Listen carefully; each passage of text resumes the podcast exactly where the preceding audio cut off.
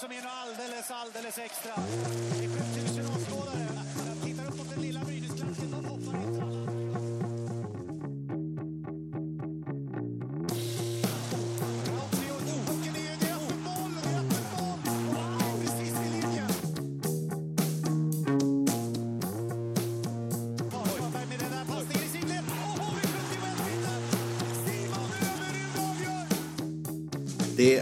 Jubileumsavsnitt av situationsrummet, SHL-podden på hockeysverige.se och svenskafans.com. Det här är det tionde avsnittet som ni hör mig, Måns Karlsson från hockeysverige.se och Viktor Ahlner från svenskafans.com sitta här och gagga lite kring eh, SHL-hockeyn. Det här är stort. Första, första liksom tvåsiffriga avsnittet. Ja, men det är milstolpe. Mm, faktiskt. Ja, det är riktigt stort. Då är frågan, är vi tio veckor bättre än vi var första gången då?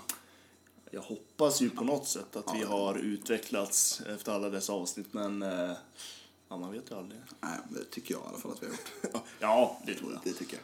Vi har kommit ungefär en tredjedel nu. Det var ju, när vi satt här för två veckor sedan så hade vi precis kommit in en fjärdedel. Ja, och nu har vi kommit in en tredjedel här. Nu har lagen börjat lira 16, 17, 18 matcher. Eh, vi sa precis det innan vi började spela in här att det känns verkligen som att tabellen börjar sätta sig nu. De börjar kunna urläsa de här skikten på riktigt allvar. Och, och sådär. Vi har ju varit förbi ett första landslagsuppehåll och sånt där. Och då brukar man ju kunna se lite tendenser i alla fall. Men sen så kommer de här lite överraskningsresultaten. Och igår var det ju exempelvis nära att eh, Karlskrona slog Skellefteå, eller Växjö och eh, lite sådär. Och Luleå tog ju poäng mot, tre poäng mot Färjestad igår och så. Så att eh, det, det, är, det händer ändå grejer fortfarande i SHL.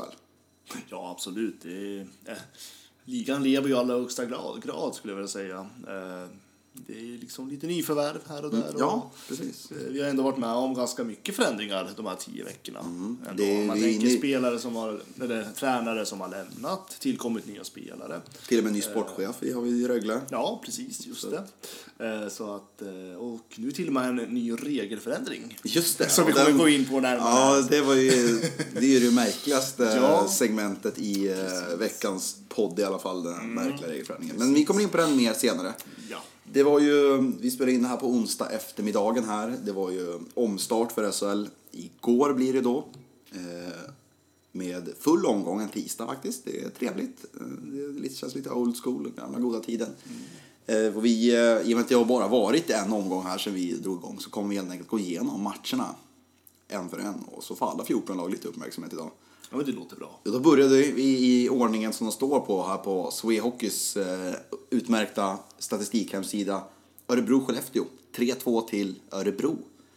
Här var ju en klassisk match man kände att eh, ja, men det blir fortfarande de här lite småskrällarna. För Örebro har ändå haft en lite nedåtgående trend och Skellefteå har haft en liten, upp, liten uppåtgående trend och hade ju faktiskt chansen att haka på i toppstriden här med vinst igår. Så är det absolut. Samtidigt, jag blir inte förvånad att ett lag som Örebro slår Skellefteå heller. Mm. Eh, det, det skiljer bara fyra poäng eh, lagen emellan just nu. Eh, och precis Mm. Det kunde ha varit 10 dock. Ja, det hade det kunnat vara. Eh, Efter, efter igår. Ja, ja, Ja. det är sant. Det är sant. Eh, nej, men samtidigt så, precis som vi har pratat om tidigare när det gäller Örebro, de har ju det här kollektivet. Eh, och jag tror att oavsett, har man den här tryggheten i gruppen som Örebro faktiskt ser ut att ha, eh, så tror jag att de här svackorna blir inte lika jobbiga just nu. Utan man, man, man, får, en man får ett tillit på sitt spel eh, på ett sätt som gör att det, även om det kommer en motgång så får man en trygghet. Eh, så att, eh, jag är inte förvånad att eh, Örebro eh, vinner mot, med uddamålsvinster dessutom mot ett lag som Skellefteå. Nej, de är ju svårslagna, Örebro. Det har vi Ja, sett under säsongen. De är svåra att nöta ner. Och, och så där, igår var det ju finnarnas eh, stora kväll, finländarnas stora kväll med två mål från Sallinen och sen ett mål från Manninen. Eh, om man ska ta med sig någonting positivt för Skellefteå så var det ändå att Bar Holloway som har varit väldigt anonym, haft en tung säsong, gjorde ett mål och en målgivande passning. Han står bara på åtta poäng Holloway. Eh, den tidigare ja, superpoängkungen gjorde ju över 70 poäng när han var som bäst här. Eh, Jag såg lite intressant statistik från Petter Rönnqvist, Simor experten igår, som eh, twittrade att eh, Bar Holloway i år ligger på tre skottförsök per match. Förra säsongen låg han på 4,85 och när han var som bäst så låg han på över sex skottförsök per match. Det är så halverat jämfört med hur det är nu. Det säger ändå någonting tycker jag. Vad det säger om det är att han ligger på en, en halvskada på något sätt eller att han bara är en sämre spelare eller att han kommer i sämre lägen. Jag vet inte men Jag tänker att han kanske har fått en annan roll i laget. Ja, men har han... Alltså, ja, han, han är så här, han är inte Jag tänker riktigt... att eh, det finns andra i Skellefteå som man kanske tar för sig lite mer. Det är det ju. Det gör ju kanske att, sen vet man inte. Men när han var som bäst så hade Skellefteå ändå var Jocke Lindström, Oskar Möller var där, Belmar var där, Oskar Lindberg var där. De hade ju samma. Bra spelare lyfter ju varandra. Ja. Eh, Om man tänker Ja. lite så. Det har väl kanske gått lite till och från i Skellefteå just nu också. eh, Ska man väl kanske komma ihåg. Mm. Eh, Även om de är ganska eh, successivt framåt i tabellen. Nej, Men jag tänker att det är ju inte samma flow i Skellefteå idag som det var för bara tre år sedan. Nej. Eh, Så att någonstans så tänker jag att vad det beror på tror jag att det är många variabler Mm. faktiskt. Varför, men det är väl kul att just sådana spelare som är ju egentligen gamla målgörare som man kanske skulle önska att de eh, får fart igen Mm. i sitt målskytte. Det är klart att det är roligt att de börjar, eh, att de visar sig. Vi går vidare. Bottenmötet igår mellan Rögle och Mora. Vi skiter i Rögle här en liten stund och snackar lite Ja, det Mora. För det att stå blev, ju, emot, alltså. det blev ju 1-6. Återigen klappar Rögle ihop hemmaplan. Men vi kan också säga så här. Viktigt och kul för Mora att ta en tung trepoängare och John Persson gör faktiskt sitt andra hattrick för säsongen. Han har gjort sju mål den här säsongen och sex av dem har kommit i två matcher. Det är fascinerande. Ehm, 6-1 till Mora borta mot Rögle. Och Mora får lite luft ner till Karlskrona. Det är fyra poäng som skiljer ner till Karlskrona och åtta ner till Rögle som ligger sist. Väldigt viktiga poäng för Mora. Absolut, alltså Mora är ju ändå, om man tittar liksom i tabellmässigt så är ju ändå Mora de är ju svansen på Frölunda. Ja, alltså jag faktiskt. tycker, ja men Frölunda, Örebro, eh, ja. Eh, jag menar en seger till så är man ju, alltså börjar man ju närma sig Malmö dessutom. Eh, Och då ska man ihåg också att Mora möter nu på torsdagskvällen Karlskrona hemma. Så det är en bra chans för ytterligare tre poängare. det är väldigt bra. En fantastisk möjlighet faktiskt att bara haka på det här gänget som kanske Mm. Eh, som vi ändå ser som lag som kanske inte riktigt har kommit igång än. Eh, och frågan är när de kommer igång. Lite så. Men alltså, är, man ska definitivt inte räkna bort Mora. Eh, tycker jag absolut Nej, inte. jag, jag har ju varit positiv kring dem hela säsongen och tyckt att de, varje gång jag har sett dem så har de gjort bra matcher. Så har jag inte sett alla matcher de har gjort. Men jag är förvånad, baserat på det jag har sett, att de inte har fler poäng. Och nu såg inte jag matchen igår, men 6-1 borta mot Rögle säger ändå någonting. Även om Rögle kanske inte är den bästa värdemätaren just nu. Men... eh, Det ja, jag tänker är som skulle vara svagheten för Mora, det är väl att man har inte samma alltså bredd i själva grunden som eh, jag tänker lag som Frölunda, Nej, så är det alltså, Det är väl det som jag tror att man i längden kan falla på. Men i Mm. nuläget så kan Mora absolut vara ett, ett hotande lag om man tänker för de här klubbarna om man tittar neråt. Mm. Eh, Det var, har varit lite turbulent i Rögle här. Det kom under dagen uppgifter om att det har varit slagsmål på deras träning. Det var eh, Almen Bibic och Sebastian Kollberg och sen också Edvin Hedberg och Jesper Williamson som råkade luven på varandra. Är det bra eller dåligt? Oj. Alltså, det där är jättesvårt att säga. Eh, beror. Bra fråga. Ja, men- Nej, men jag tänker att alltså, det, jag menar, det har ju varit, alltså, man har ju hört om att det har bråkat i topplag också dessutom. Alltså, det finns ju vissa lag så börjar man ju skrika åt varandra för man tycker att den ena inte tar i tillräckligt på träningarna till exempel. Jag vet att eh, eh, det kunde till och med lite gruff och stök i Brynäs bara förra säsongen eh, som ändå var ett SM-finalistlag då. Eh, att man bråkar på en träning behöver inte betyda att det är en dålig, alltså, alltså, dålig stämning i gruppen. Eh, däremot så är det ju väldigt lätt att dra den slutsatsen utifrån Rögles situation. Att Det är klart att det kanske gnager lite grann på själva gruppsammanhållningen när ingenting fungerar. Jag tycker tittar man spelet på Rögle så är det ju inte så mycket som fungerar heller. Alltså det är klart att eh, det kan bli lite irritation och sådär. Men jag, tror inte, jag tycker inte att man ska ta för stora slutsatser för att det blir eh, lite bråkigt på en träning. Absolut inte. Edvin Hedberg sa också i en intervju med Helsingborgs eh, Dagblad att han tyckte att det behövdes. Så vi får se. Ja. Men det å andra sidan, vad ska man säga? Ska han säga nej det här är, tyder på vår dåliga gruppsammanhållning? Det kan han inte heller gå ut och säga. Nej, Men jag tänker så mycket beror ju på vad det är för typ av grupp, alltså vilka individer finns det i gruppen. Eh, ibland kan det vara det absolut sämsta och det tänker man väl generellt egentligen att eh, det sämsta är om man börjar slåss och sådär. Men det beror ju på vilket sammanhang i träningen som det här händer. Eh, eh, och hur gruppen också jobbar med det efteråt. Men just i Rögle så känns det ju som att kan, är vi nog inte jättepositiva vibbar just nu. Nej, det kan man ju förstå. De har 11 poäng och 68 insläppta mål på 16 matcher. Eh, vi går vidare till Luleå-Färjestad. Luleå fortsätter överraska. Vi visste att de skulle vara svårslaget lag, men de tog tre poäng mot Färjestad, 4-1. Vann de med tre stabila poäng och de har ju också häng bakom de här tre topplagen som gjort lite litet ryck ändå med Växjö, Färjestad och Djurgården. Så är de ju med där, Luleå, i kampen om en topp 4, topp 6 placering. Och jag tror vi får vänja oss vid att de kommer vara där för att de är så pass svårslagna. Det känns som att de, jag har svårt att se Luleå komma in i en formsvacka där de tar fyra raka nollpoängare. Utan de kommer ju ta sina poäng. En ettpoängare här, en tvåpoängare där, en trepoängare här. Och det är det som behövs. Ja men precis, jag tror vi har ju, vi har ju pratat ganska mycket om att det är, det är lite svårt att placera Luleå. Ja, verkligen. Eh, just då, jag tror att någonstans så tror jag att man också kanske börjar hitta sin alltså spelidentitet, alltså sitt spelsystem mer och mer i Luleå. Mm. Eh, som gör att, precis som du säger, att man kommer att man kommer placera sig ja, likartat där man är i tabellen idag. Alltså på sjun, runt sjunde placering. att man ligger kvar där och jag tror inte heller att Luleå kommer drabbas av några längre svackor eller så. Nej, man har svårt att se det faktiskt. Har jättesvårt att se det. Det är klart att svackor kommer, men jag tror inte att man får de här långa, eh, jobbiga svackorna. Utan jag tror liksom att Luleå kommer pendla där någonstans. De fick tillbaka också Einar Emanuelsson nu, som har varit väldigt bra under säsongen, så det är också viktigt. Han har ju nästan varit en poäng per match. Spelare när han har spelat har ju varit borta här eh, nästan halva, halva säsongen, mer eller mindre, i alla fall en tredjedel av säsongen. Och är tillbaka så han bidrar ju med lite mer offensiv eh, spets. Och det behöver de ju Luleå för att de har ju inte riktigt de här eh, offensiva fixstjärnorna, eh, möjligen med undantag för Niklas Olausson. Sen har ju faktiskt Johan Harry ju sett bra ut den här säsongen, men eh, får se om han håller hela vägen. Det behöver, vi behöver inte orda så mycket mer om den matchen egentligen, utan vi eh, kommer- kan gå vidare till den stora svänghistorien Karlskrona-Växjö, där ju Karlskrona gick mot en nästan chockerande trepoängare, ledde med 4-1 efter drygt halva matchen. Det här är, ändå, det här är en väldigt speciell match kan jag Ja, tycka. verkligen. Eh, först om vi tar Karlskrona då. Eh, fyra mål framåt. Mm. Eh, jag tycker det är lite häpnadsväckande när vi pratar Karlskrona. På Viktor Fast dessutom. på Viktor Fast dessutom som blir Ja, blir utbytt.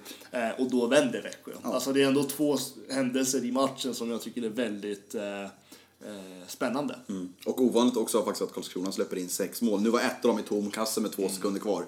Men det är ändå ovanligt att de släpper in fem mål överhuvudtaget. precis, Så att, precis. och i synnerhet när de leder matcher så brukar de ändå ganska bra på att stänga dem. Och när de leder med 4-1 dessutom så är det ju chockerande att de tappar till 4-5 förlust. Ja, man brukar säga att det, det är 4-16. jobbigt att ligga under mot Karlskrona. För Ja. att det, det, det ska ju vara så himla svårt att eh, eh, ja, men få hål på dem. Mm. Men eh, ja, det där måste...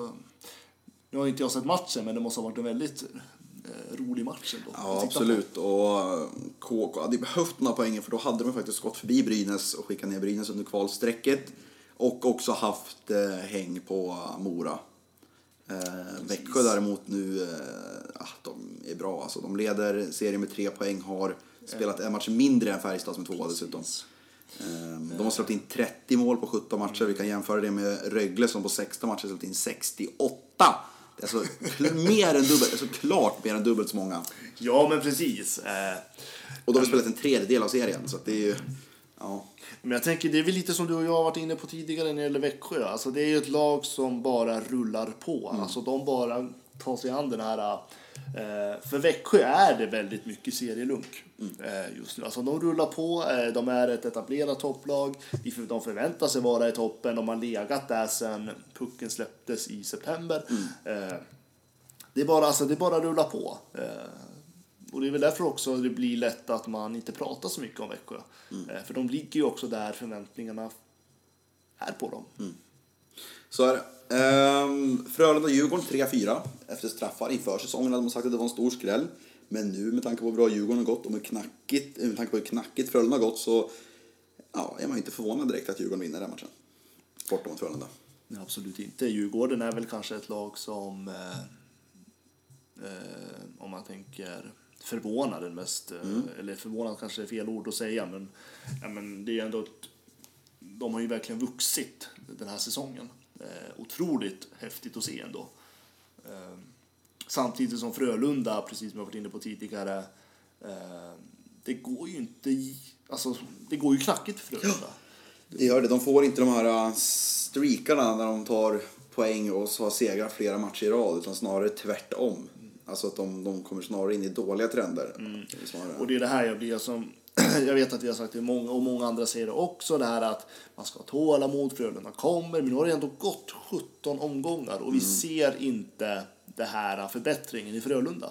Det som är positivt är ju att eh, vi tar ett lag som Linköping som också tyckte det har gått knackigt. De är helt plötsligt upp som femma. Absolut, Det absolut. går, I mellan de där lagen, bakom de tre topplagen, från lag 4 till lag 10 så går det väldigt snabbt. Så byter de positioner med varandra.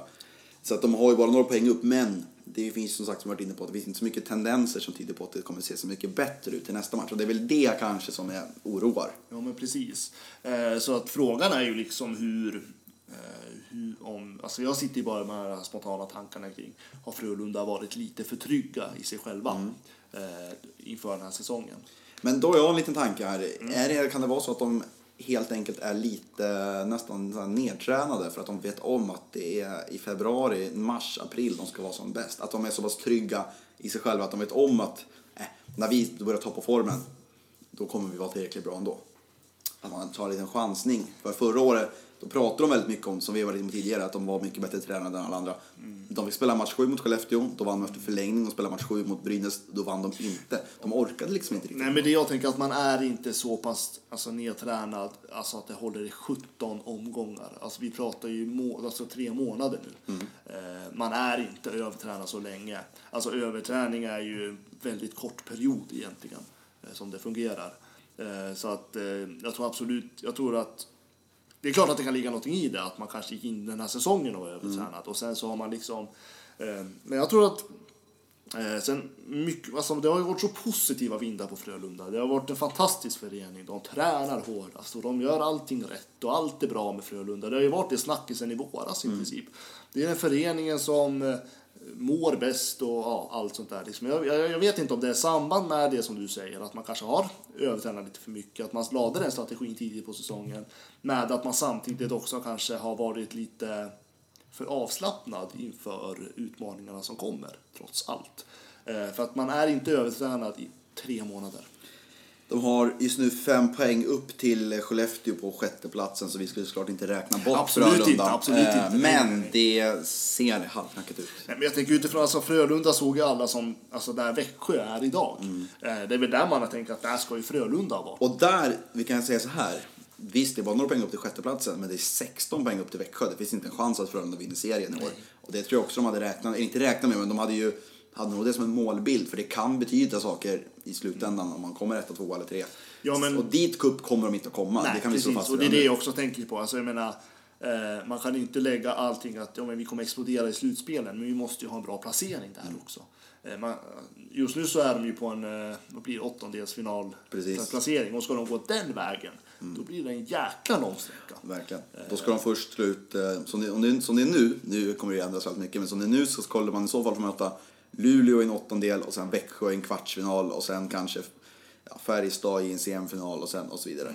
Ja, men, och, det är liksom, och det är det jag menar att Ja. jag tror att det är någonting annat också. Så är det. Eh, jag var på plats eh, på eh, min vanliga plats på pressläktaren och såg Brynäs HV71 igår. En match där Brynäs faktiskt var det klart bättre laget spelmässigt. Men HV var effektiva. Sebastian Wenström och Mattias Tedenby gjorde två mål var. Det blev 4-2 till HV. En viktig och en stark trepoängare. Johan Lindbom, deras tränare, var inte alls nöjd på presskonferensen och undrade lite grann vad de höll på med och sa att det var i alla fall inte hockey de sysslade med i andra perioden. Framförallt var han väldigt eh, besviken. Och, eh, det blev 4-2 som sagt till HV och eh, de hakar på där i toppen medan Brynäs inte får något luft till Karlskrona och Rögle. Nej. Och, det, och tittar vi på HV så det är ju också ett lag, jag menar det är ju regerande mästarna. Eh, det ligger såklart mycket press i det, i det att vara. Eh, de är ändå så, de har haft otroligt stora skadebekymmer den här hösten. Eh, ändå ser vi dem i topp fyra av tabellen fortfarande. Jag tycker att det visar på vilken stark grunden då HV vilar på och hur farliga de kan bli i ett slutspel. Ja, jag kände det igår också när man såg deras laguppställning att de har verkligen fyra nästan lika bra kedjor som de ställer upp med. Och då har de ändå men, en sån som Bill Sweaty skadad fortfarande och sånt där kan ju bli en liten joker när han kommer tillbaka. De har så mycket kvalitet i det här laget och som sagt även fast um, de var besvikna matchen igår. Jag tycker ändå det också sänder signaler att ja, vi tog tre poäng borta men vi är fasen inte nöjda. Det tycker jag också utstrålar någon sorts vinnarmentalitet. Ja, det, ut, det utstrålar någon sorts Ja. vinnarmentalitet och att det, finns. Mm. det är högt i tak i klubben. De ställer höga krav på sig själva och omgivningen. Och liksom, det är ju så man föder en vinnar, vinnarkultur, en vinnarmentalitet. Och det, kan, det har jag också fått bilden av att det har Frölunda också haft sista åren.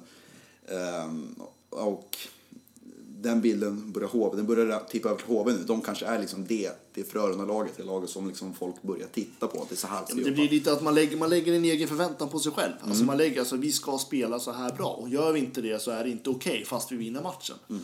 Eh, Jag tycker det är klockrent när, en, eh, när ledarna faktiskt eh, eh, bemärker det. Och han gör det dessutom öppet Ja, inför men, ja, men, allihopa. att- precis, Han gör det inte liksom- bara inom gruppen. Nej, och jag han- tycker att man skickar en tydlig signal. Ja. Både till sina egna, alltså jag tycker det är rätt mot sina egna fans och det är också Mm. rätt mot spelarna. Jag håller helt och hållet med faktiskt. Eh, Jag pratade också med um, Sebastian Wenström efter matchen och han höll också med och tyckte att de var inte nöjda. Men ibland är det så här, det är poängen som räknas och så är det också. Men då måste man också kunna säga att det är dåligt när det är dåligt och det gjorde det HV. Eh, Brynäs däremot har ju fortfarande jätteproblem. Eh, och en stor problematik som Brynäs har det är ju ineffektiv. Ja, det, det, igår var det det det hängde på. Ja. Eh, De hade kunnat vinna, de, borde, de hade tillräckligt mycket chanser, framförallt i powerplay för att vinna matchen. Det som hände då istället, de slarvar ut pucken, HV får en kontring, det blir straff, HV gör 2-1. Tror du att, det Liksom. kan, tror du att det kan bero på uh, självförtroende? Ja, det tror jag nog en del i alla fall, men sen... Så, ja, jo, det är klart att det har med självförtroende att göra. Sen är det klart att eh, man kommer in i faser under säsongen och jag, det här är ju inte hållbart. Det här är väldigt låg skottprocent, den kommer bli bättre. Eh, så länge de skapar chanser så kommer Brynäs göra fler mål. Men problemet för Brynäs är att det är fel spelare som kliver fram. De här som ska göra mål gör inte mål. Det var den där matchen när de gjorde mycket mål mot Mora och vann med 5-2 eller vad det var. Då var det två mål av Bertilsson, det var ett av Liljevall, det var ett av Granström. Igår görs målen av Manberg och Ludvig Nilsson, lånet från Almtuna. De som ska göra målen gör inte mål, det är de som måste göra mål för annars är det inte hållbart. Så, så kan man summera det. De, det, är de, det är de bra spelarna som gör för lite poäng. Så är det ju. Och hela, och hela Brynäs befinner sig ju någonstans i en vä- oväntad eh, situation egentligen. Alltså Mm. hela organisationen har ju liksom eh, väldigt jobbigt just nu. Det har de. Vi går vidare till sista matchen. Malmö-Linköping 3-5. Linköping tog en stark borta trea, avgjorde med 40 sekunder kvar av Ken-André Olimb. Både han och Mattis Olimb har ju faktiskt varit väldigt formstarka på slutet efter att ha haft en lite tyngre förra säsong. Ehm, Jag såg inte matchen. Det bilden jag fått är att Malmö var det spelförande laget och att de var bättre matchen igenom. Men Linköping fortsätter ta sina tre poängare och Malmö är ju de går fortsätter gå upp och ner. De, de, kommer, de kommer vara där runt sjätteplatsen tror jag när säsongen är slut och kriga. Men de, de, de tappar lite för mycket poäng eh, i matcher de kanske borde vinna och sådär. Så att 5-3 Linköping som är uppe som sagt som femma nu. Efter en ganska knepig säsongstart så är de ändå där uppe nu. Absolut. Och både du och jag har ju haft en ja, men lite kritisk inställning kanske till eh, Dan Tagnes. Ja. Eh, eh, I och med att Linköping förlängt med honom och, är typ av tränare för Linköping och det där. Men vi ser ju ändå att på något sätt så tar ju Linköping hem de här poängen. Eh, De är ju ändå med där.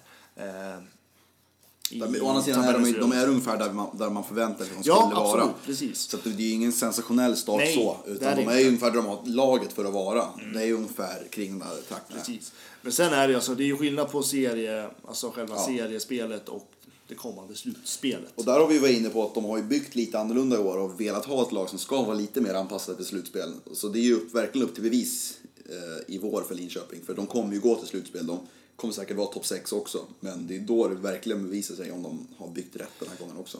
Och det gör ju ändå att Linköping kan ju bli ett riktigt eh, intressant lag att följa. Mm, ja, verkligen. Utifrån att det är ju lite annorlunda tänk i den här truppen än tidigare. Ja, de har ju koll på, alltså de är ett av de lagen som skulle kunna gå till final om allting fall, all bitar faller på plats. Men de är också ett lag som löper väldigt stor risk att åka ut redan i en kvartsfinal. Så För kan det, tredje och det kan gå fort Ja. om, om det faller fel. Precis. Det var gårdagens sju matcher. Eh, Det blir ju också en eh, full omgång här på torsdag kvällen också. Eller om det är sex matcher på torsdag. Eh, Så det, det, nu rullar det på ordentligt Det här. slutar vara full omgång faktiskt. Sju matcher. Trevligt, trevligt. Det har ju varit ett eh, nyförvärv här i veckan som vi kan diskutera lite kort också. Mm. Frölunda har ju för andra veckan i rad efter att ha plockat in Webber, backen där förra veckan, som jag eh, var lite kritisk mot. Fick jag lite bassning för faktiskt i sociala medier. Att eh, folk upplevde det som att det var dålig koll och att eh, om man har sett Frölunda så borde man se att det är den typen av back de behöver. Och, och eh, fine, det kan det säkert vara, men jag tror fortfarande att det är fel spelartyp för att klara sig i SHL. Men det är ett avslutat kapitel. Vi går vidare till Joel Mustonen som de plockar in den här veckan istället. Eh, blir väl kanske lite av en ersättare för Patrik Westerholm eh, på centerposition eh, i och med att eh, Westerholm är borta flera månader. Kommer närmast från Pelicans, finska ligan, där han har gjort en halv poäng på match. Men är ju mest känd såklart för åren i Örebro och sin juniortid i Skellefteå. Så han kommer tillbaka till Sverige här. Ehm, var lite speciellt uppbrott med Örebro. Han gjorde det bra framförallt för två säsonger sedan. Han gjorde 15 mål i SHL. Förra året gick han ner och gjorde bara 16 poäng. Men det var ändå många som blev förvånade när Örebro valde att släppa honom och det var lite halv taskig stämning däremellan faktiskt. Nu är han tillbaka i Frölunda och Visst, de, eh, återigen, de, de tittar på option, de känner att de har förstärka, de plockar in en spelare som finns på marknaden uppenbarligen. Men jag tycker inte den här värvningen osar Frölunda riktigt. Alltså jag vet inte, det känns som att de, den osar mer en mittenklubb än en toppklubb. Även fast jag gillar Mustonen så jag är lite skeptisk ändå. Och det är just sådana här värvningar som också blir att man frågesätter Frölunda lite grann. Alltså hur tänker, Ja. alltså, jag tänker alltså, jag tänker själva lagbygget, alltså individerna man plockar in. Alltså hur tänker de kring det? Mm. Hur tänker de kring sin situation idag? Eh, jag har lite svårt att... Jag ser inte sammanhanget. Nej, precis. Och som sagt, det är en svår position. De går tungt, de har en del skador. Men jag vet inte. Alltså jag, har, jag förstår varför Fredrik Sjöström, sportchefen, gör den här värvningen. De ville ha en center och det fanns uppenbarligen ingen på marknaden som tilltalade dem. Men jag vet inte. De är ändå med i racet har de en topp 6-plats. Så jag hade kanske då väntat eh, någon vecka till eller två och sett om det dykt upp någonting bättre. Och sagt, det är ingenting ont om Mustonen. Jag gillar honom och blev väldigt förvånad när inte Örebro valde att förlänga med honom. Men det är också Örebro. Att de har en sån spelare i, där- i truppen och inte förlänger med honom är en sak. Men att Frölunda väljer mitt i sån, att värva in en sån spelare, det, det är liksom en helt annan sak för mig. Så att jag är lite, jag är lite förvånad och lite förbryllad över hur, var Frölunda befinner sig just i detta nu. Ja, jag ställer mig också lite grann eh, ifrågasättande till Mm. värvningen. Sen är det ju som alltid med den här sporten, alltså det återstår att se. Ja, så är det ju. Och ja, man vet, man, man, om man ska vända på det så är det så här, man vet vad man får. Han har spelat eh, sammanlagt 120 matcher i SHL. Han, har, han är ju finländare men eh, hans pappa var verksam som både spelare och tränare i Sverige så han är uppväxt i Sverige. Och har ju spelat eh, hela sin juniortid i Skellefteå, har gått den långa vägen där, kom hela vägen upp i A-laget. Har varit runt lite grann sen, som sagt, i Örebro och i finska ligan. Så man vet hur man får, det är en spelare som håller i SHL. Så tänker man så, så är det ju såklart en bra värvning. Men jag tror inte det, jag säger som jag gjorde förra veckan, jag tror inte det är en värvning som lyfter Frölunda riktigt. Det är väl, och det är väl mer det jag känner mig lite skeptisk till i nuläget. Men man vet aldrig som sagt, det är, det är en bra spelare i Muster. Han verkar vara en bra, en bra kille också av det intryck jag har fått. Jag har inte, aldrig intervjuat honom själv men vi har gjort en del med honom på Hockey Sverige och han verkar vara en bra, en bra kille. Så det ska bli intressant att se. Jag tycker det är kul att han är tillbaka ändå i svensk hockey för att jag tycker det är synd att han försvann och jag tycker att Örebro gjorde ett litet misstag som inte förlängde med honom.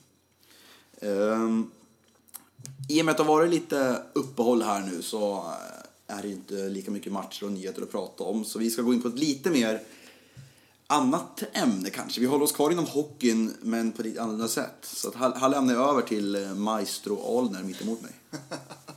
Ja, nej men precis. Eh, Just såna här veckor så ger det ju lite utrymme till annat. Precis. eh, Som vi kanske inte hinner med i vanliga fall.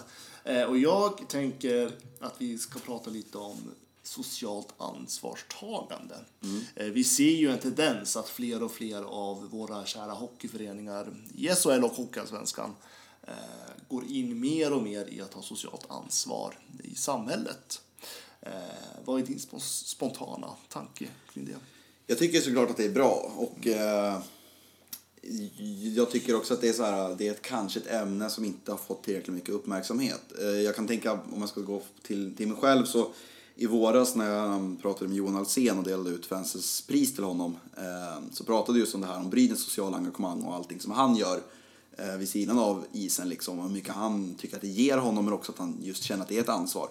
Och då, då frågade jag om han, vad han tyckte om andra klubbar, vad de borde göra mer. Och då sa han det, nej men jag tycker att det är många klubbar som gör mycket bra men som inte lyfts fram på samma sätt som exempelvis Brynäs. För Brynäs har det ju verkligen tydligt, de har det på matchtröjan, de har det på sargen, de har det hela vägen runt om i arenan. Eh, har det, på- först när man ser dem in på hemsidan så handlar det om socialt ansvar, socialt ansvar, socialt ansvar. Så att jag tycker såklart att det är bra, det kanske är någonting som klubbarna borde få lite mer cred för, kan jag tycka. Mm. Ja, alltså jag står ju i grunden eh, för eh, all form av socialt ansvarstagande. Eh, det är ju liksom hela allas, alltså alla har ju ett ansvar i samhället på ett eller annat sätt. Men för att, ta lite, för att inte bara, bara prata Brynäs då, för det är väldigt lätt att man går in på dem.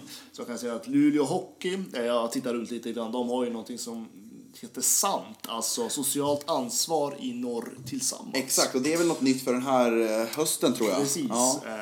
Sen finns det andra föreningar, jag tänker Djurgården har ju DIF i samhället, Karlskrona har något liknande som heter KHK i samhället och sådär.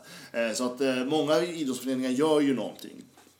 Eh, Det jag ofta utifrån att det här är ju ändå en, alltså det är, inom socialt arbete är ju ändå en profession där jag själv jobbar väldigt mycket med dagligen, kan sitta i tankar kring när idrottsföreningar generellt går in i sådana här, eh, ja men just att man, man uttrycker socialt ansvar och liksom marknadsför sig på det sättet. Sen när man går in och läser så vet jag inte om jag riktigt hittar lika mycket av det sociala ansvaret som jag kanske vill hitta. Du menar att det mer blir som en fasad utåt? Jag liksom? tänker att det är väldigt lätt att det blir en fasad utåt. Det är väldigt lätt att det ska låta alldeles för, att det ska låta nästan lite för bra för att vara sant. Det ska liksom se fint ut, det ska liksom vara... Sen är det ju fanta fantastiskt arbete de gör. Jag tänker många av de här föreningarna, särskilt eh, Djurgården och Karlskrona jobbar ganska mycket inom eh, regionen, alltså sjukvård, barnsjukhus. Eh, jag tror att det var Karlskrona som jobbar väldigt mycket på barncancer, att eh, samla in pengar till dem. Sen är det ju, alla har ju, alltså den gemensamma nämnaren är ju det här, ja men lite grann hockey för alla, gratis hockeybiljetter.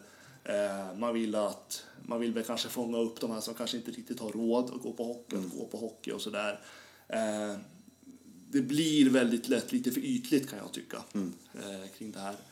Och det jag vill säga med det här är ju att nu, alltså kritisk reflektion handlar ju inte om att man är emot det.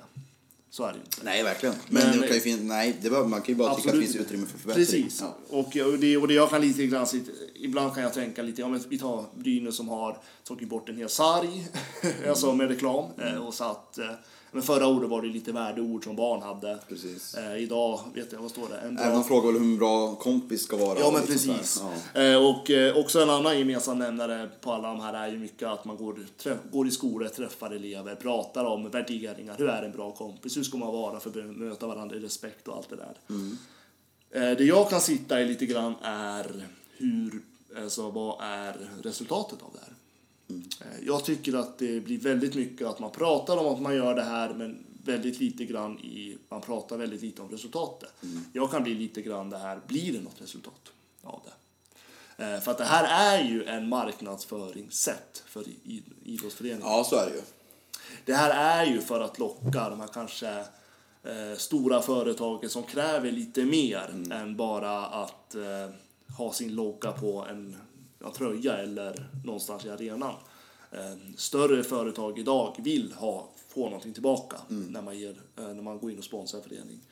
Eh, så jag kan bli lite kritisk till så här, men hur mycket ger det här egentligen om man tänker för barn? Alltså vad gör det bättre konkret för ett barn att Brynäs sätter fina ord på sargen? Vad gör det konkret att en hockey... eh, För tanken är ju varför hockeyspelare, både damhockey och killar, går till skolorna är ju för att man pratar om förebilder. Ja, så och sådär. Eh, Jag kan också, om man får kritiskt reflektera över det, eh, vad är en förebild för ett barn idag? Hur många av de här barnen känner faktiskt till de här spelarna? Mm. Hur, alltså, jag tänker, hur... Förstår, hänger du med? Ja, jag tänkte mig bara, vad, vad känner du att de ska göra annorlunda i, istället liksom? Finns det något konkret? Alltså så här, för jag håller ju med i det du säger, Mm. men samtidigt så, jag vet här uppe exempelvis Daniel Paé gick på eget initiativ och köpte säsongskortsbiljetter som han delade ut Mm. Till precis. Mm. BUP var det va? Eh, så det är ju liksom, Barnpsykiatrin, ja. ja. Precis. precis. Ja. Så det är ju ett barn per match Precis. Mm. med en förälder eller någon anhörig som får gå. Sen får de träffa Paé efter matchen och det gjorde han på eget initiativ. Jag vet inte om det är för att han har någon egen erfarenhet i familj eller släkt som kanske lider liksom av sådana problem, att han verkligen brinner för just den frågan. Eller om det bara var att "Nej, men jag känner att jag vill göra någonting, jag väljer ut den här organisationen och gör det här. Är Det, det är ju klart att det är beundransvärt på alla sätt och vis. Han, det är ingen som kräver att han ska göra en sån grej, utan han valde att göra det ur egen ficka och sådär. Är det, menar du att, man kan, att de ska göra något annat eller tycker att det är ett bra exempel på Alltså jag säger någonting? inte det att de gör att det inte är bra. Nej, Absolut nej, inte. nej precis, men att det är fel, att det är fel prioritering då liksom. Nej, men jag tänker att det blir för att någonstans, och jag tänker särskilt i, alltså nu är det lätt att vi pratar Brynäs, vi båda bor i Gävle. Eh, Men jag För tänker, att de har ju varit väldigt, de har ju väldigt liksom blivit förknippade med det de här sista åren. absolut, är ju- och så är det. De ligger väl i framkant. eller och för mig personligen kan det bli det här lite grann att, eh, ja men om, eh, säg ett stort företag, Gevalia, Mm. eh, vill gå in med det här och liksom, det är helt fine, det struntar jag i. Eh, det som kan bli lite känsligt och det som har varit känsligt i den här stan, det är ju när kommunen väljer att gå in i det här. Mm. Eh, för jag tänker just det här med värdegrunden, att bli en bra kompis allt det där, det, jobb, alltså det jobbar ju man väldigt mycket med när det gäller barn. Jag tänker eh, sko, alltså, alla pedagoger i skolan och allt. Eh, alltså genom barn, alltså barnets process genom livet så kommer man, stöter man på det här väldigt mycket. Eh, sen medan jag kanske tänker flera mer att eh, ungdomarna som kanske, att man kanske ska jobba med sina egna ungdomar på ett annat sätt istället. För jag vet att värdegrundsarbetet, det praktiska värdegrundsarbetet i idrotten, särskilt i hockeyn, jag har själv gjort en studie om det här, är ju att eh, man ligger efter något Ja, kapital. det behöver man inte vara någon liksom, raketforskare för att se att, man, att de ligger efter där. Liksom. Och det är ju ändå ungdomar som alltså, idrottsrörelsen faktiskt kommer i kontakt med. Precis. Eh, och jag tänker här att gratis aktivitet för alla, eh, gratis hockey för alla, suveränt, Mm. jättebra, jätteroligt för barnen som är där. Och jag kan tänka mig att barnen som har kommit på de här värdeorden, de måste ju vara enormt stolta. Mm. Eh, men det är ju, jag kan ju nästan lova att det är ju inte de mest socioekonomiska svaga individerna som föreningen träffar. Det är ju inte det. Eh, däremot så är jag jättepositiv till det här att alla idrottsföreningar, eller elitidrottsföreningar, har massiva sponsorer och partners och sådär. De har ett enormt eh, eh, socialt liksom, nätverk när det gäller stora företag som kan bidra till praktikplatser, som kan erbjuda platserna till ung, alltså arbetslösa ungdomar och så vidare. Eh, vilket man jobbar väldigt mycket i regionen där du och jag bor i. Det tycker jag är fantastiskt. Där har vi ett, ett aktivt, kreativt eh, för, alltså arbetssätt där man också kan se resultat.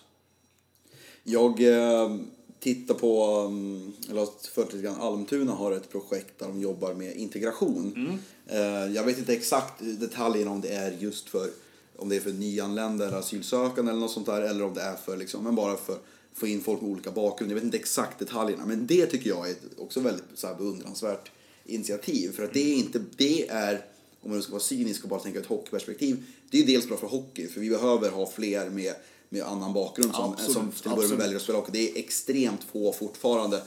Även om vi kollar liksom, det är, det är väl en sak att kolla Tre Kronor på 70 80-talet, fine. Men även om vi kollar JVM-trupperna och juniorlandslagstrupperna nu så är det väldigt få som inte har klassiska svenska namn och som inte, framförallt det är väldigt mycket söner till, eh, till gamla hockeyspelare som är i juniorlandslag. Det, det, det finns fortfarande kvar, så det, det, måste vi, den, de stigarna måste vi ta oss ur på något sätt. Så det tycker jag också är ett bra projekt.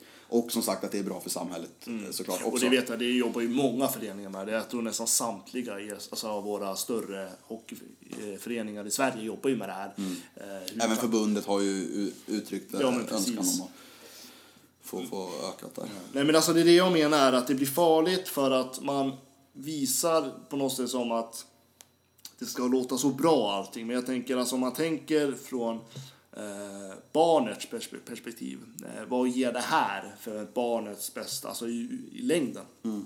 Jag tänker att om du frågade vad jag tycker man ska göra Ja. istället. Jag tänker konkret, men det är också att eh, eh, särskilt om det är så att man blandar in kommunen i det här. Eh, jag vet inte vilka som sitter, vilka är som, jag tänker i Brynäs fall då, eh, så ska någon i kommunen vara med och styra över den här bra start. Jag vet inte vem det är, jag vet Nej. inte vad det har, den personen har för bakgrund. Är det någon politiker eller är det någon, eh, jag vet inte. Nej. Men det jag tänker är liksom, och det vet jag, det gör i många idrottsföreningar. Jag tänker alltid, allt ifrån det här att eh, om man verkligen vill bidra positivt eh, så ska man ju också titta på det sociala kapitalet man har. Alltså alla tusentals människor besöker ju arenan varje match. Eh, enormt läge för en idrottsförening att faktiskt bjuda in de, de eh, insatser vi faktiskt har. Jag tänker att allt ifrån här, eh, göra reklam för alla ställen som, har du föräldrar som dricker kan du vända dig hit. Har du, har, känner du någon som lider av det här, vänd dig hit. Eh, Vill du bli kontaktfamilj, vill du bli kontaktperson. Alltså allt det här som vi faktiskt har sån brist på i dagens samhälle som gör att vi blir så begränsad. Jag tänker både skola och alltså socialtjänst, psykiatrin, allt det här. För att vi har så brist på eh, sådana här eh, eh, som där vanliga människor faktiskt kan vara påverka. Där kan idrotts, idrottsrörelsen vara mycket bättre på att hjälpa till att faktiskt rekrytera. Ja, som sagt, i- Utan att det kostar något. Precis, och utan att bli liksom för långrandig så, så det finns, det känns, som inte tidigare, det finns, känns som att det finns väldigt mycket liksom symbolhandlingar som görs. Att så här. Vi ser domarna exempelvis nu, de har en regnbågssymbol för, att, för att liksom visa ja, men, allas eh, lika värde och rättigheter och att oavsett vad, vilken läggning man har eller vad som helst så är man ju såklart välkommen att spela hockey, med, alla ska vara med. Och det gör ju säkert jättemycket för vissa människor som för vissa individer känner, ja men fasen vad skönt, vilken grej, nu känner jag mig välkomnad, nu känner jag mig trygg i den här miljön och så vidare och så vidare. Eh, men som sagt, ofta så stannar det vid symbolhandlingar om man ser Ja, sällan, man vill vinna det symboliska kapitalet. Man vill, och, det är det jag, och det är det jag blir så allergisk mot. Alltså jag, vill inte, jag vill inte se symboler, jag vill se konsekvent handling. Mm. Eh, Jag tycker att det är för mycket så här, vi tittar vad bra vi är, hur duktiga vi är, men vad är det som händer? Vad gör man konsekvent? Mm. Eh, Visa istället, ja men det här har vi gjort. Det här blev resultatet. Visa konsekvent. Mm. För att jag vet att det är jättemånga, eh, både kollegor till mig och andra alltså i samhället, som frågesätter. Alltså vad ger det här? Mm. För att vi vet att kommunerna går in med miljonbelopp. Alltså vad kostar det? Alltså vad... Mm. Jag tycker att idrottsföreningarna måste vara bättre på att kritiskt reflektera över sig själva. Eh, visa mer att det här ger det. Sen är det så här, och, och återigen, jag är inte emot något de gör. För allt de gör är bra saker. Men frågan är till vilket pris. Ja, ett intressant inlägg i debatten. Får se om vi kan få några liksom reaktioner av både er lyssnare och kanske av, av klubbar på, på det där. Och det Nu ett vart man väl inte omtyckt. Nej, precis. Nej, men det är ett intressant ämne och de får ju mycket beröm och då är det klart de måste kunna få också ett kritiskt öga. Ja, men jag tycker det att man, man ska kritiskt reflektera över det. Sen ska man ju alltså, sen är skillnad, alltså, som sagt, det är skillnad att kritiskt reflektera och vara emot det. Mm. Eh, Men man måste, man måste kunna diskutera den här saken. För att jag tycker ibland att det blir för mycket vinna, alltså vinna godhetspoäng istället för att faktiskt ta lite ansvar. Vi, eh, vi tar, drar ett streck i, i den debatten där, eller debatt och debatt, vi höll ju mest med varandra i, i det, det ämnet där. Det är som vanligt då. Ja, precis. Eh, och hoppar tillbaka till eh, det som ändå sker på isen. Och av, avrundar lite grann med veckans stjärna, veckans avstängning som vi Spännande. alltid gör. Och ehm, veckans stjärna, så vi enades väl att vi, vi måste snacka lite om Sebastian Wenström ändå va? Straffkungen från eh, IK Huge har han som moderklubb. Ja, jag tror det va? Ja, Det ska vara IK Huge. precis. Klassisk förening. Har varit i topp, li, eh, ligatoppen två säsonger faktiskt. Oj, oj, där ser man. Typ såhär 1940. Ja, men det är mer än många andra klubbar har i alla fall. Eh, han slog ju till, eh, han var ju i sin hemstad här i Gävle, eller sin tidigare hemstad i Gävle, med HV71 igår, gjorde två mål och två assist. Det är väl en sak, men att han går in, glider in på isen och kör sin Sebastian Wenström-straff igen. Gör bort Linus Fernström fullständigt och gör mål på den där straffen igen. Jag satt, alltså när, när de fick straff igår så sa jag till min eh, granne på pressläktaren att kolla nu, nu kommer Wenström glida in på isen. Och sen så beskrev jag straffen exakt i detalj som han skulle göra. Han gjorde den exakt så. Och Fernström har inte någon- exakt i detalj. Ja, men han glider ju, han, han åker in där, tar ganska långsamma skär, glider ut åt, um, åt vänstersidan blir det ju. Går tillbaka mot mitten, gör en dragning för att han ska lägga in det på backhand och sen drar han runt målvakten och lägger in det på forehand. Eh, Och då glider målvakten åt andra hållet eh, för det mesta och har svårt att veta vad han ska ta, ta vägen liksom. Eh, Och det jag tycker är så underbart med den här straffen är att alla vet att han kommer lägga den. Jo. Alla vet hur den går till. Ändå funkar det. Men det var just det jag ville prata om här, att Linus Fernström hade ingen aning om det där. Och jag känner så här. Vi, vi pratade om det lite innan, så här, du sa att nej, men han har inte varit med, han var inte tänkt att spela SHL den här säsongen och sådär. Och nej, det köper jag. Att, eh, jag inte eh, koll. Men han har ju mött Sebastian Wenström många gånger och om jag vet om, om folk, random supporter på Twitter vet om exakt vad han ska göra. Om folk som sitter hemma och kollar på TVn säger, kolla nu när han kör sin Wenström-straff. Om den vet vad han ska göra, då tycker jag att det är underbetyg att inte någon kan informera målvakten eller att målvakten inte har koll på det själv.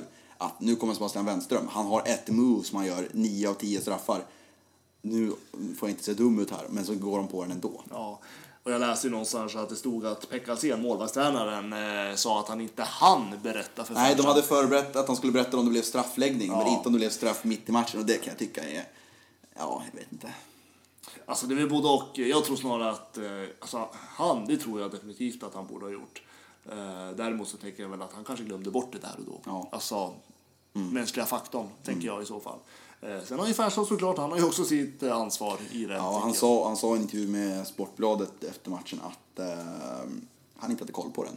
Och det är ju intressant. Jag... Eh, Nej, men alltså det, så kan det vara. Alltså, Ja, det tycker jag är ett litet underbetyg. Jag pratade med Wenström efter matchen igår och eh, frågade honom, men är du inte rädd att du ska bli sönderläst av målet någon gång? Och då frågade han, vad menar du nu? Och då, jag blev ju lite ställd så jag skrattade ju, skrattade ju till och sa, ja det känns som jag har sett den där straffen förr. Och då sa han, jaså, nej då har jag inga kommentarer till, det var kul att det blev mål. Punkt.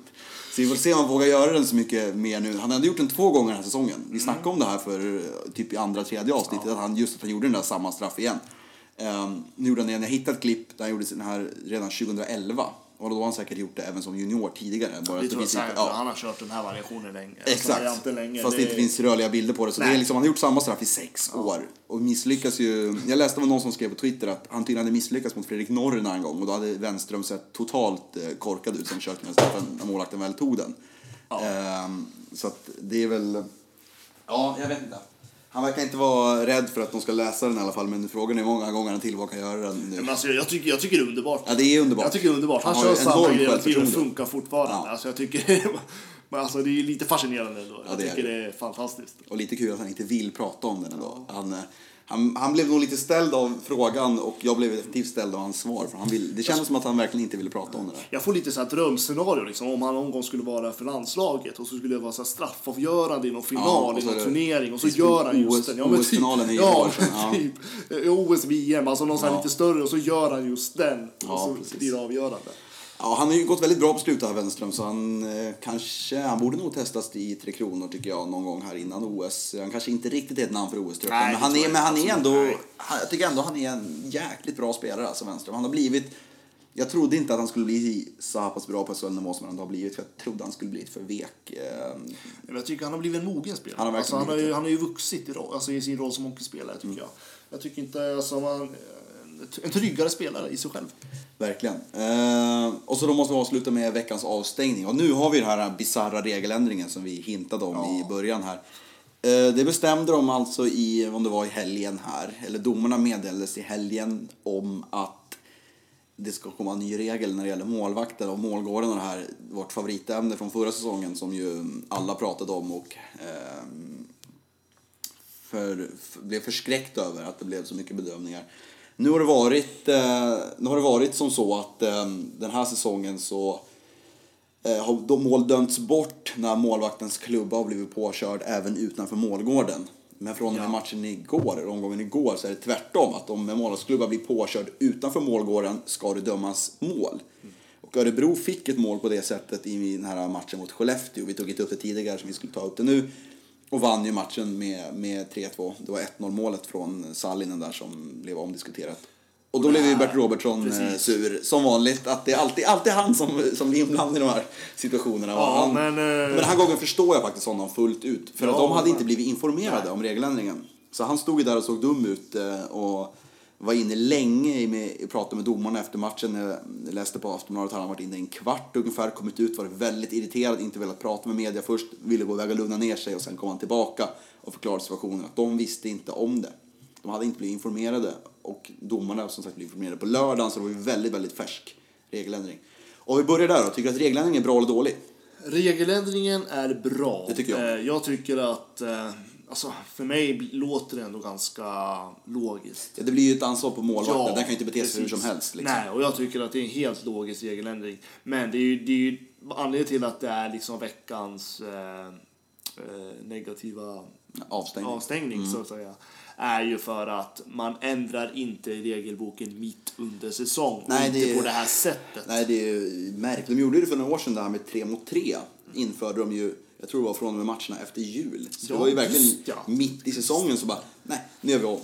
Jag tycker inte om det. För, för det, för det, ja, fullständigt absurt. Ja, och för grejen är ju det att när man gör en regeländring, det är alltid någon som kommer missa den. Och det är alltid någon som kommer bli drabbad. Det skapar ju bara massa irritation som det gjorde. Och nu vart det ju Skellefteå. Och Ja. eh, naturligtvis så var ju det läge då för Bert Robertson att eh, han som är en liten eh, ikon på att prata. Eh, Ja, men det var, det var lite, alltså, eh, men samtidigt helt rätt av honom. Jag håller med honom fullt ut. Jag tycker att går man ut i här regeländring då måste man ju alltså, varna, alltså, alltså inte en dag innan. Alltså i alla fall ge det en tid innan att ja men det här datumet, efter det, ja men typ efter jul. Ja. Då kommer Ja, det här precis. Ja, Så exakt. att alla vet om det. Ja, man nu vart det inte- liksom, nej men alltså, det, nej men jag tycker det är helt Ja, och jag känner att det är väl bra om man känner att en regel inte funkar så är det väl som sagt, då är det väl okej att man gör om regeln men då får man ju sagt göra det väldigt tydligt, man får göra en liten framförhållning. Man kan inte bara göra det efter till omgång 17, då gör vi om reglerna. Det, det, det är ju absurt liksom, beteende och det tycker inte jag är okej någonstans. Och det här med 3 mot 3 sa för några år sedan, det är så här, jag förväntar mig inte vara med till säsongen efter för. Liksom. Ja. Och sen så, så hade de kunnat sagt, vi kör det på testperiod fram till jul och sen gör vi en utvärdering. Funkar det med 3 mot 3 eller inte? Istället för att slänga in det mitt i säsongen som de gjorde då. Och som sagt, här hade de kunnat gjort ungefär som du säger. Ja men säg, ja, men från och med den omgången så gör vi om regeln på det sättet. Eller att de hade sagt, varit väldigt tydliga med, de har inte skrivit om det på sin hemsida eller något sånt där. SHL. Nej, och jag tänker Och- liksom, alltså man blir ju lite fundersam så här, hur ser kommunikationen och dialogen ut med klubbarna egentligen? Ja, uppenbarligen är den ju... Alltså, ja men uppenbarligen är ju undermålig och, jag, och, och frågan är liksom hur det, alltså är det eh, är det så att det har funnits här bristerna som inte, egentligen inte uttalat om men att, Mm. för att jag menar, jag ser det som en jättebrist i kommunikationen Mm. om man lägger en regelförändring som kan påverka match, en hel matchbild eh, en hel match, alltså en hel match kan Mm. påverka naturligtvis och klubbarna har ingen aning om det. Nej, och man undrar ju sagt, är det bara Skellefteå som inte har fått reda på det? Och det var Och det- det otur skulle att de vara märkligt. Ja, och att det bara var otur att det var de som blev drabbade. Då hade de ju förmodligen hamnat i situationen om några veckor istället kanske igen. Då hade det kanske hänt då. Det hade sett ännu värre ut. Men eftersom SHL inte kommunicerat det. Eller är det så att de inte har berättat för någon av klubbarna? Ja, men alltså, man, må, Var måste, har det ju- man brustit, måste ju liksom? få tid att kommunicera ut det, tänker jag. Ja. Jag menar, även om eh, klubbarna har ju sin organisation som också, också kommunicerar ut inom organisationen. Alltså, det handlar ju inte, de kan ju inte bara skicka iväg ett mejl till Skellefteå och sen liksom, ja, så här är det, punkt. Utan då måste ju Skellefteå ha tid att kommunicera vidare. Och eh, domarchefen här, Ulf Rönnmark, vad jag har sett så har han inte uttalat sig än kring det hela. Jag kan ju ha missat det, men jag har inte sett några kommentarer från honom. Och då känner jag så här att jag tycker det är lite pinsamt av både Ulf Rönnmark och av SHL att inte gå ut och tydligt kommunicera här. Jag tycker att det är pinsamt faktiskt. Men det kan ju, alltså, ren spekulation, det kan ju vara så att man själv kanske insåg att det här gick lite för fort. Eh, att, och det kanske är därför som man också har valt att inte gå ut med det. Ja, men då är det ju ännu värre eftersom att det blev ju ändå att eh, Örebro vann matchen med 3-2. De fick ett mål på en regel som ingen vet om finns. Nej. liksom, då är det ju ännu Frågan är om. Örebro visste om det. Ja, man det undrar ju. är Man undrar ju. Ja, nej, men inga regeländringar mitt i säsong och ska det bli en regeländring så vill vi att det ska förvarnas i god tid. Ja, både för klubben och framförallt för fansens skull. Alltså, tänk om det nu ma- nu händer det här målet i Örebro. Låt säga att det hänt i Skellefteå. Hemma, men en typ, kanske 4 000 i arenan som inte har en aning om att de har fått nya regler. Då är det ännu värre. Så det var ju tur att det var i alla fall en Ja, bortamatch. men jag tycker, och jag tycker framförallt när regeländringen är ju egentligen tvärt emot vad det var innan. Precis. Ja, den är helt tvärt emot. Ja, det är för 100, jag 100 tänker procent alltså, bort. Jag menar, hade du och jag stått där i arenan som Skellefteå-fans så hade vi trott att det här skulle vara bortdömt. Mm, precis. Eh, Och helt plötsligt så dömer de mål och då blir man ju förbannad på domaren för det. Och det här utsätter ju domaren såklart. Mm. eh, För då tycker man att han är ett svin för att han inte följer regelboken. Sen han gör det fast ingen som vet om det.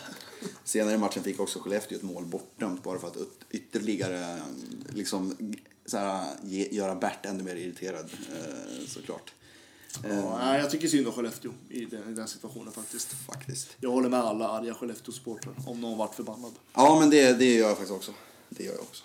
Det, det var det vi hade idag faktiskt. Ehm, Det blev ett ganska långt avsnitt trots att det var uppehåll här. Det finns alltid något att prata om. Ja, det gör det som det. är så underbart. Exakt, och nu eh, sagt full omgång här till helgen och imorgon eller ikväll blir det ju då när um, lyssnar på det här förmodligen.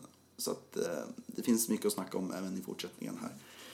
Så det, det ska bli kul. Jag, ehm, Ja, Men det känns som att nu, nu kommer vi gå mot nästa fas i serien. Precis. Jag. Nu, går vi liksom, nu är vi mitt i. ja, nu är första tredjedelen avklarad, nu är det mitt i tredjedelen och sen är det slutruschen Mm. Så innan. att jag känner att nu eh, är vi liksom i en ny fas. Så Faktiskt. Nej, det blir roligt. Ja, det blir det.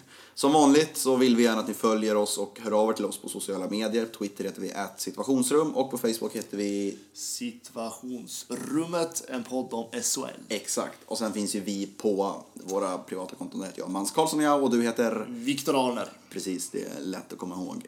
Eh, och sen prenumerera gärna på oss på iTunes och Acast och sånt där. Men det gör ni förmodligen som sagt redan eftersom att ni lyssnar på eh, programmet. Så att eh, vi tackar väl för oss för den här gången. Sen kommer vi tillbaka nästa vecka igen med eh, ungefär 50 nya heta minuter om SHL. Det ser vi fram emot.